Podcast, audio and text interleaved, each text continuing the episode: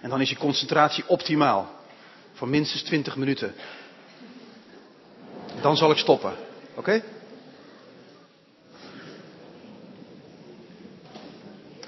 Leven uit genade. Dat is het thema waarmee we dit seizoen aan de slag gaan. Als je naar het, in het woordenboek de Dikke van Dalen gaat en je zoekt genade op, dan krijg je al gauw wat synoniemen. Jongens en meisjes weten dat zijn woorden die hetzelfde ongeveer betekenen. Goedheid. Als je vader en moeder straks vraagt, weet jij een synoniem voor genade, dan heb je er een. Goedheid, mildheid, iets ingewikkelder, welwillendheid, ruimhartigheid. Maar je mag ook zeggen, een arm om je schouder. Het tegenovergestelde van genade is dan genadeloosheid, meedogenloosheid. Rancuneus zijn, als je wat deftig wil zeggen. Ik weet niet hoe u dat beleeft, maar dat ongenadige, dat genadeloze, dat kom je in onze samenleving vaker tegen dan dat je iets proeft van genade, van goedheid. Ik weet niet of u de kranten en de televisie een beetje gevolgd hebt deze week, maar eh, een van de mensen die in het nieuws was, was Diederik Stapel. In 2011 kwam aan het licht dat hij als hoogleraar psychologie aan, van de, aan de Universiteit van Tilburg onderzoeksgegevens had uh, vervalst. Op grote schaal. Dat is in de wetenschap een doodzonde. Hij werd op staande voet ontslagen, leverde vrijwillig zijn dokterstitel in en deed een taakstraf. Terecht. Dat is nu vijf jaar geleden. En Diederik Stapel kwam niet meer aan de, aan de bak, aan de slag. Hij stond vijf jaar lang langs de zijlijn, tot de Hogeschool Breda in een gebaar van ruimhartigheid zei, ach iedereen verdient toch een tweede kans. En Stapel was een goed vakman voordat hij ging klungelen. En de directie bood hem een baan aan als adviseur en freelance uh, werknemer. Stapel kon zijn geluk niet op. Hij vierde dat met zijn vrouw en zijn kinderen, die, met wie hij samen door een hel was gegaan. Wat hadden ze een hoop bagger over zich heen gekregen. Vooral via de social media. Ook wel door de media. Maar toen trok de hogeschool in Breda haar aanbod ineens in. Er was intern onrust uitgebroken en ze vreesde voor imago-schade. Het zegt wel iets over onze samenleving dat zo'n hogeschool meer denkt weg te komen met zo met mensen omgaan dan iemand in dienst nemen met een rimpel en een rafel. Een collega-psycholoog van Stapel zei, wat hij in het verleden gedaan heeft, is heel erg. Maar hoe lang gaan we dat nu nog zeggen? Stapel schreef over die donkere vijf jaar een boek. Het kwam deze week uit onder de titel Zuchten. En hij viel in die tijd 15 kilo af en frat zichzelf op van schaamte, van schuld, van zelfhaat, van wanhoop. Hij zei, ik lag er maar op mijn bed te wachten op iets uit de hemel misschien, een binnenvliegende vogel, een, een soort verlossing, omdat ik zelf echt niet meer kon en ook niets meer wilde. En je proeft in die woorden iets van verlangen. Verlangen naar genade. Genade van een nieuw begin. Genade ook met, met zichzelf. In een vraaggesprek met Thijs van der Brink in het programma Adieu God vertelde Stapel later dat hij bij sommige christenen nog een extra veroordeling had geproefd. Maar gelukkig was hij ook christenen tegengekomen met een omarmend geloof, zei hij een arm om je schouder. Die waren er ook. En hij zei, die mensen straalden iets uit van barmhartigheid, genade. En zei hij, hij gelooft zelf niet, nog niet misschien. Hij zei, maar als God zo is, dan wil ik ook wel in hem geloven. Het valt blijkbaar nog niet zo mee, leven uit genade. Ook voor ons christenen gaat het niet vanzelf, laten we eerlijk zijn. Het komend seizoen, ik zei het al, willen we ons daarin wat oefenen. Aan de hand van onder meer de Efeziusbrief. vanmorgen het begin. We kijken naar die eerste veertien versen. Het begint zoals een brief in die tijd altijd begon, met de afzender. Van Paulus, door Gods wil, apostel van Christus Jezus. Misschien denkt u wel, oh nee hè, Paulus. Ik heb niet zoveel met Paulus. Ik hoor het wel eens in de wandelgangen van de gemeente. Ik moet eerlijk zeggen, in een gemeente waar ik vroeger lid van was, werd er ooit een passage van Paulus gelezen tijdens de dienst. En dat was zo'n passage waarin ook pittige dingen staan over de rol van de vrouw in de, in de gemeente. Dat ze vooral zou moeten zwijgen. En die mevrouw die, die siste in mijn oor. Ik vind die Paulus maar een eng mannetje. Ik was vrij gechoqueerd, want ik was een keurig reformatorische jongen en ik dacht, Paulus, de apostel, een eng mannetje. Maar ik begreep haar wel, we hadden het er later over.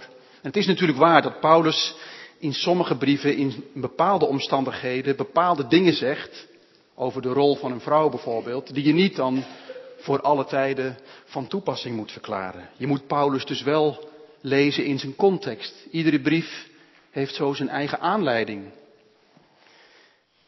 Maar Gods kinderen van alle tijden hebben juist in de brieven van Paulus een rijkdom gevonden. Vaste spijs, zeg maar. Een stevige boterham. Veel van Christus vooral. Veel genade. Wie zijn tanden erin zet, wordt niet hongerig achtergelaten. Paulus dus, die van zichzelf zegt dat hij een gezant is van Christus Jezus. Hij wil niets liever dan Jezus centraal stellen. Dat doet hij in deze brief volop. Van Paulus, door Gods wil, apostel van Jezus Christus, aan de heiligen en gelovigen te Efeze, die één zijn in Christus Jezus.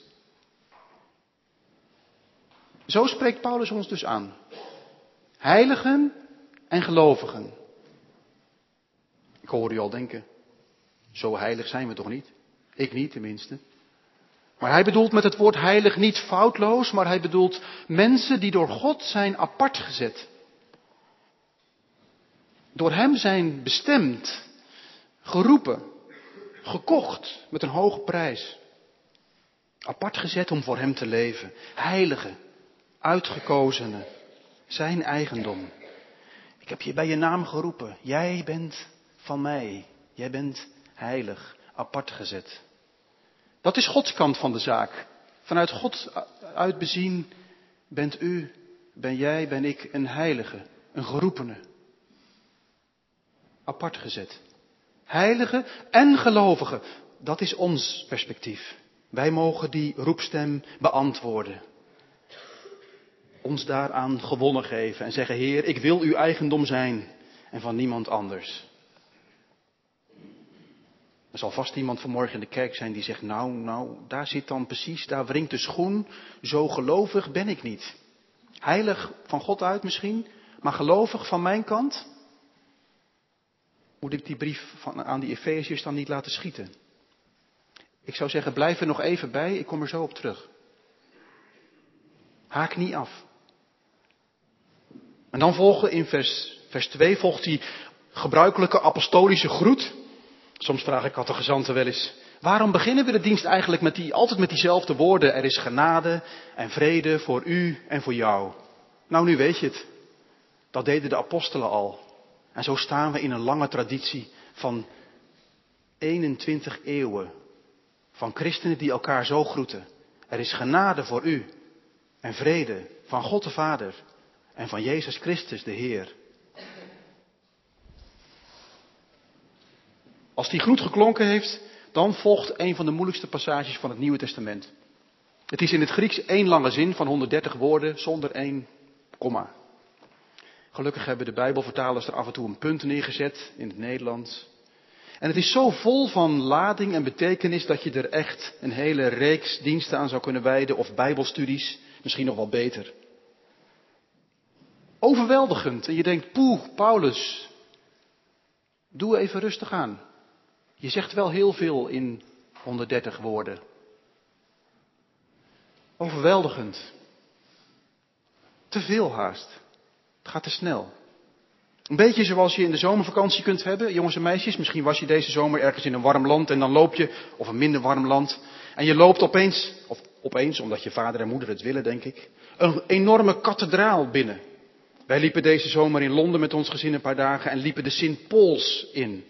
Nou, een grotere, imposantere kerk kan ik me niet heugen dat ik gezien heb. En dan kom je zo'n enorm gebouw binnen en de eerste stenen waar je op staat staan al inscripties op van eeuwen, eeuwen oud. En je denkt, hier hebben generaties mensen gelopen. En je ziet die zuilen, meters dik. Je kan er met je armen niet omheen. En ze strekken zich uit, tientallen meters boven je, bogen die de kerk met de zuilen samen dragen. Enorme, gebrandschilderde ramen, vol van patronen, kleuren, symbolen, figuren. Ieder raam vertelt zoveel. Dat alles kan zo overweldigend zijn. De plafonds, zelfs de plafonds zijn vol van betekenis, vol van versiering.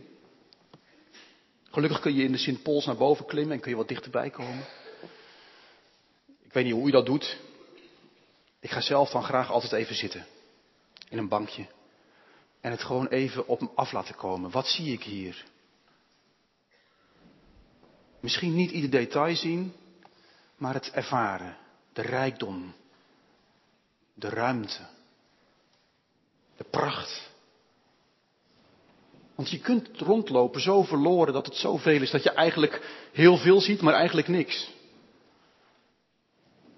Ga even zitten, zou ik zeggen bij deze versen van Paulus. Het is een kathedraal van genade.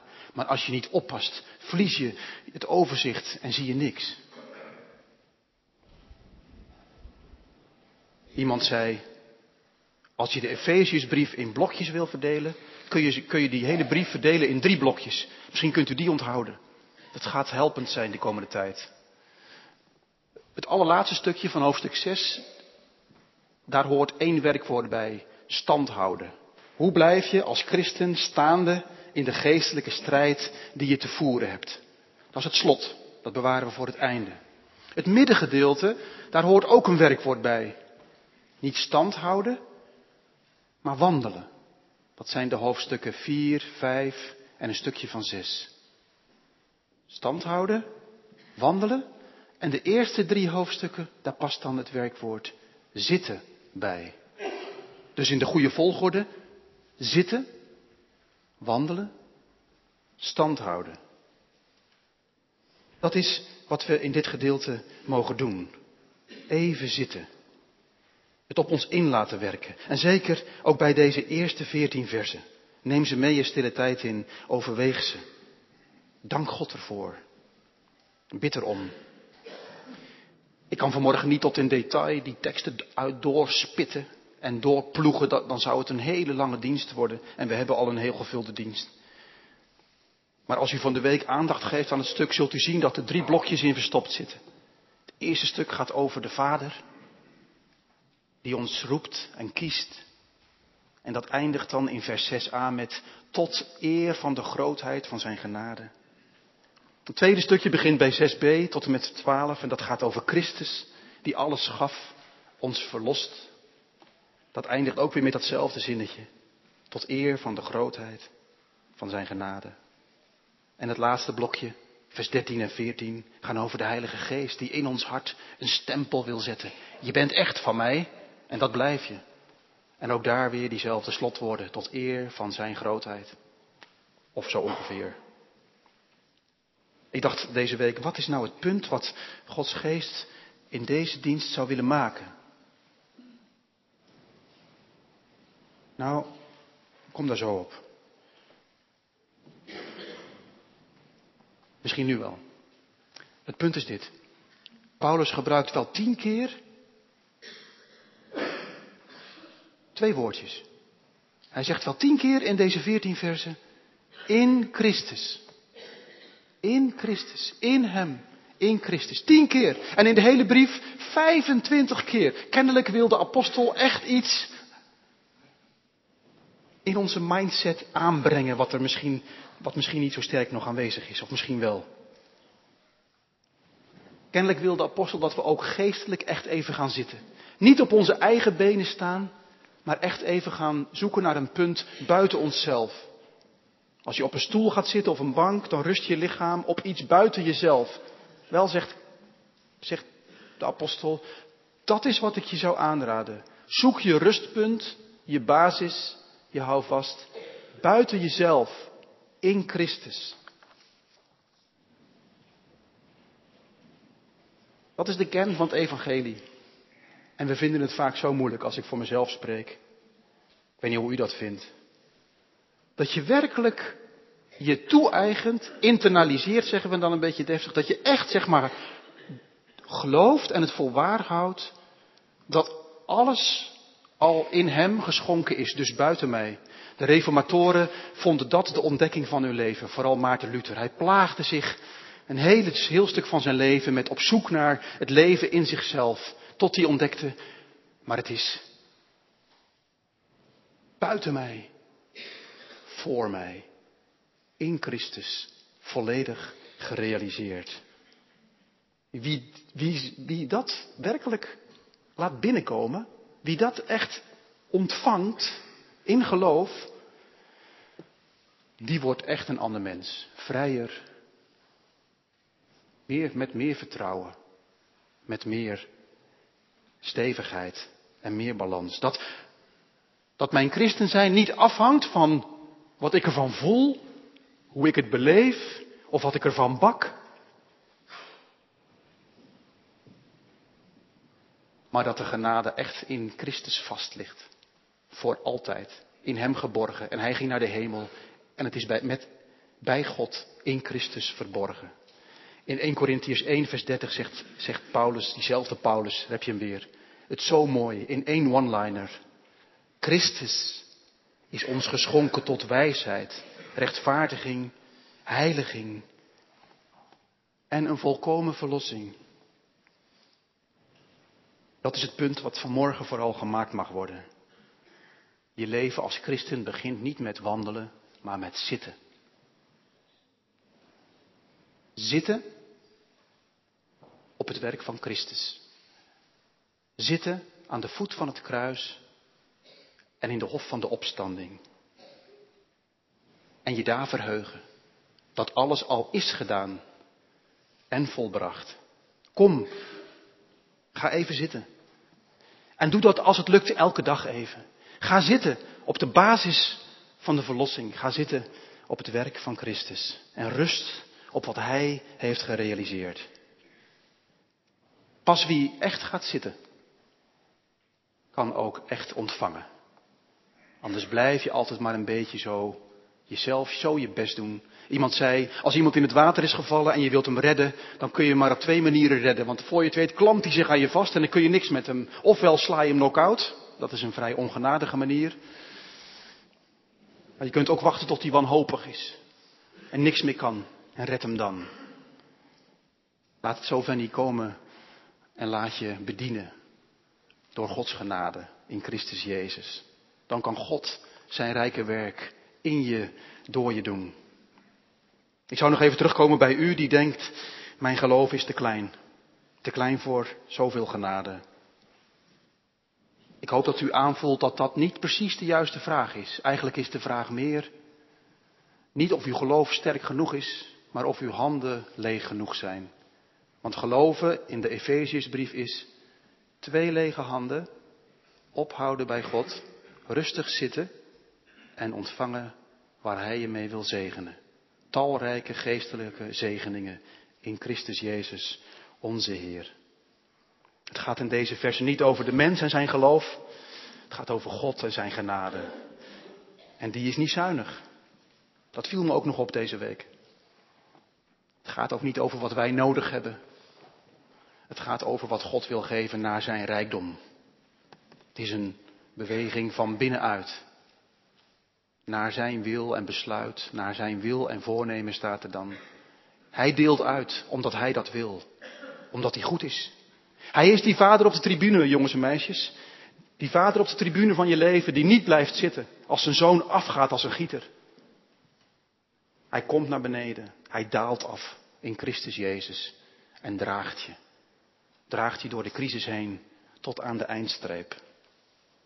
Misschien is het vandaag de dag voor jou om het maar gewoon heel eerlijk te zeggen, voor het eerst of na lange tijd opnieuw. Heer, uw weg gaan, ik trek dat niet. Maar laat Jezus dan de weg zijn. Heer, ik barst van de stress en de onrust. Mag Christus mijn vrede zijn? Heer, ik worstel met donkere plekken in mijn leven. Maar ik hoor dat Christus het licht wil zijn. Heer, als zekerheden mij ontvallen, mag ik dan houvast vinden in Christus? Mag Hij steeds meer in mij gestalte krijgen?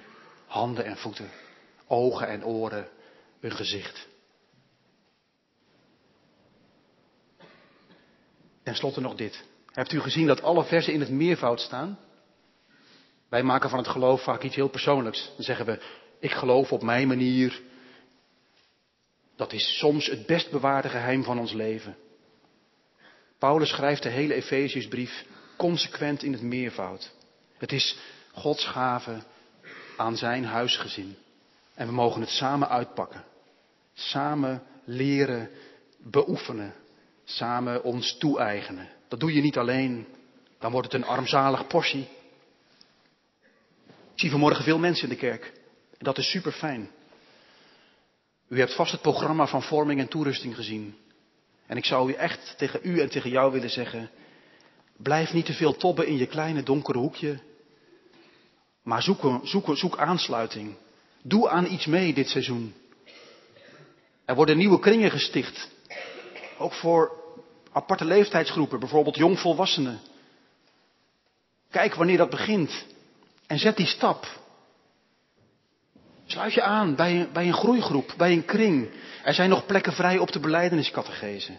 Samen kunnen we die rijkdom uitpakken en elkaar helpen het uit te gaan leven. En zo groeien tot de mensen die God wil dat we zijn. Dankzij Christus Jezus, onze Heer. Amen.